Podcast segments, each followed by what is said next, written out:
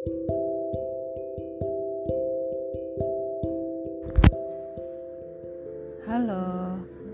jumpa lagi dengan podcast Dongeng Kasih Sayang oleh Renia Niar. Malam ini tenang, terdengar suara orang berlatih gitar, dan saya akan membacakan dongeng dalam rangka Happiness Project bulan Maret 2021. Ini adalah dongeng yang keempat. Judulnya adalah apa apakah makhluk luar angkasa itu ada?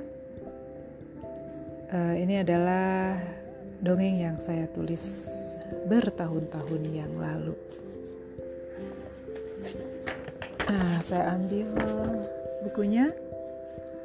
Apakah makhluk luar angkasa itu ada?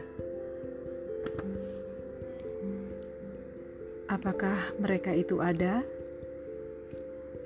Pertanyaan itu selalu terucap saat aku melihat langit malam.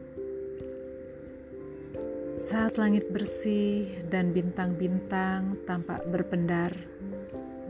Ya, aku selalu suka melihat bintang yang membawaku ke alam dongeng yang indah.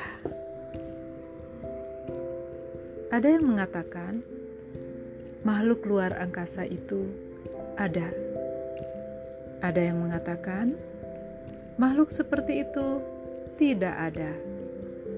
Walaupun banyak cerita-cerita orang tentang kehadiran mereka, tapi bukti nyata kehadiran mereka tidak pernah ada. Ataukah kehadiran mereka dirahasiakan ya?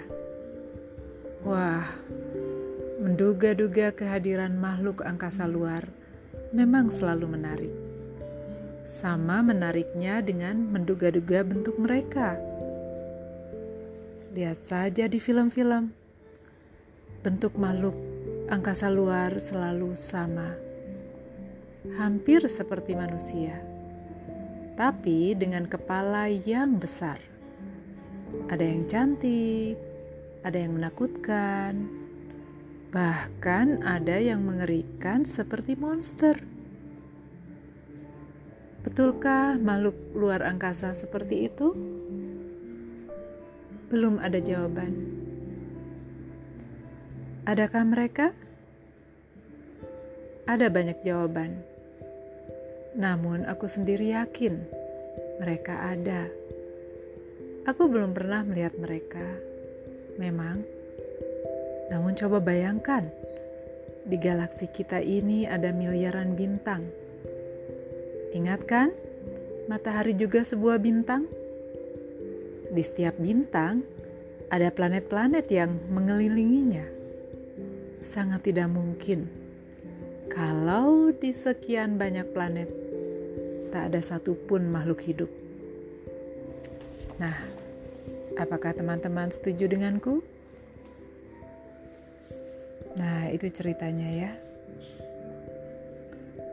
Teman-teman, terima kasih sudah mendengarkan. Sampai jumpa di dongeng yang kelima.